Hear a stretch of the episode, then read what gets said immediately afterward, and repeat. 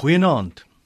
In Charles Schulz se klassieke strokiesprent reeks Peanuts tref ons eenmal vir Charlie Brown en Linus aan waar hulle deur diep sneeu stap. Die wind waai, die sneeu val aanhoudend.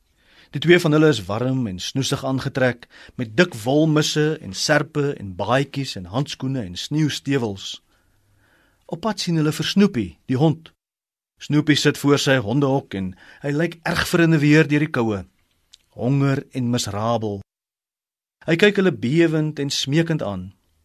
Charlie sê dan: "Dit lyk of Snoopy baie koud kry." Linus antwoord: "Beslis. Dalk moet ons vir hom iets doen sodat hy beter kan voel." Hulle stap dan nader en eers sê Linus: "Wees vrolik, Snoopy." Charlie Brown sê dan ook: "Wees vrolik, Snoopy." En terwyl hulle dan weer aanstryk deur die sneeu, kyk Snoopy hulle in die laaste paneel met 'n vraende blik agterna en steeds bewend van die koue.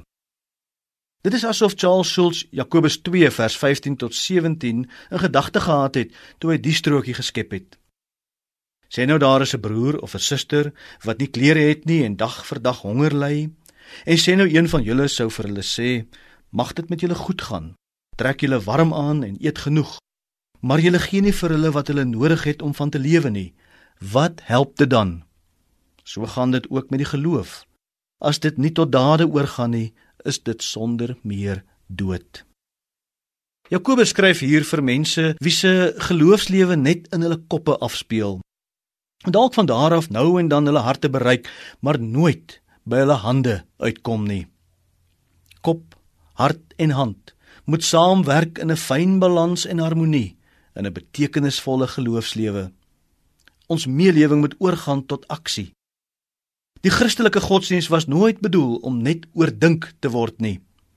Dit was van die begin af primêr 'n doen godsdiens. 'n Aksie wat die nood van ander raak sien en hand uit die mou steek en poog om iets daaraan te doen. Selfs waar Jesus leerstellige argumente met sy teenstanders aanknoop, is dit om vir hulle 'n goeie leefwyse te leer en om die lewens van mense te verbeter. In plaas daarvan om te veroordeel, voor te skryf en opinies op ander af te dwing, volg hom wat altyd ander se lewens verbeter het, veral hulle op die rand van die samelewing. Sit diens terug in jou godsdiens en God sal ook deel wees van jou godsdiens. Godsdiens is te gelyk kop, hart en hande. Handhaaf die kuns om jou godsdiens in balans en harmonie te hou en jy sal vind jou hele lewe sal getuig van balans en harmonie. Here help ons vandag om te dink, te glo, te voel en te dien. Amen.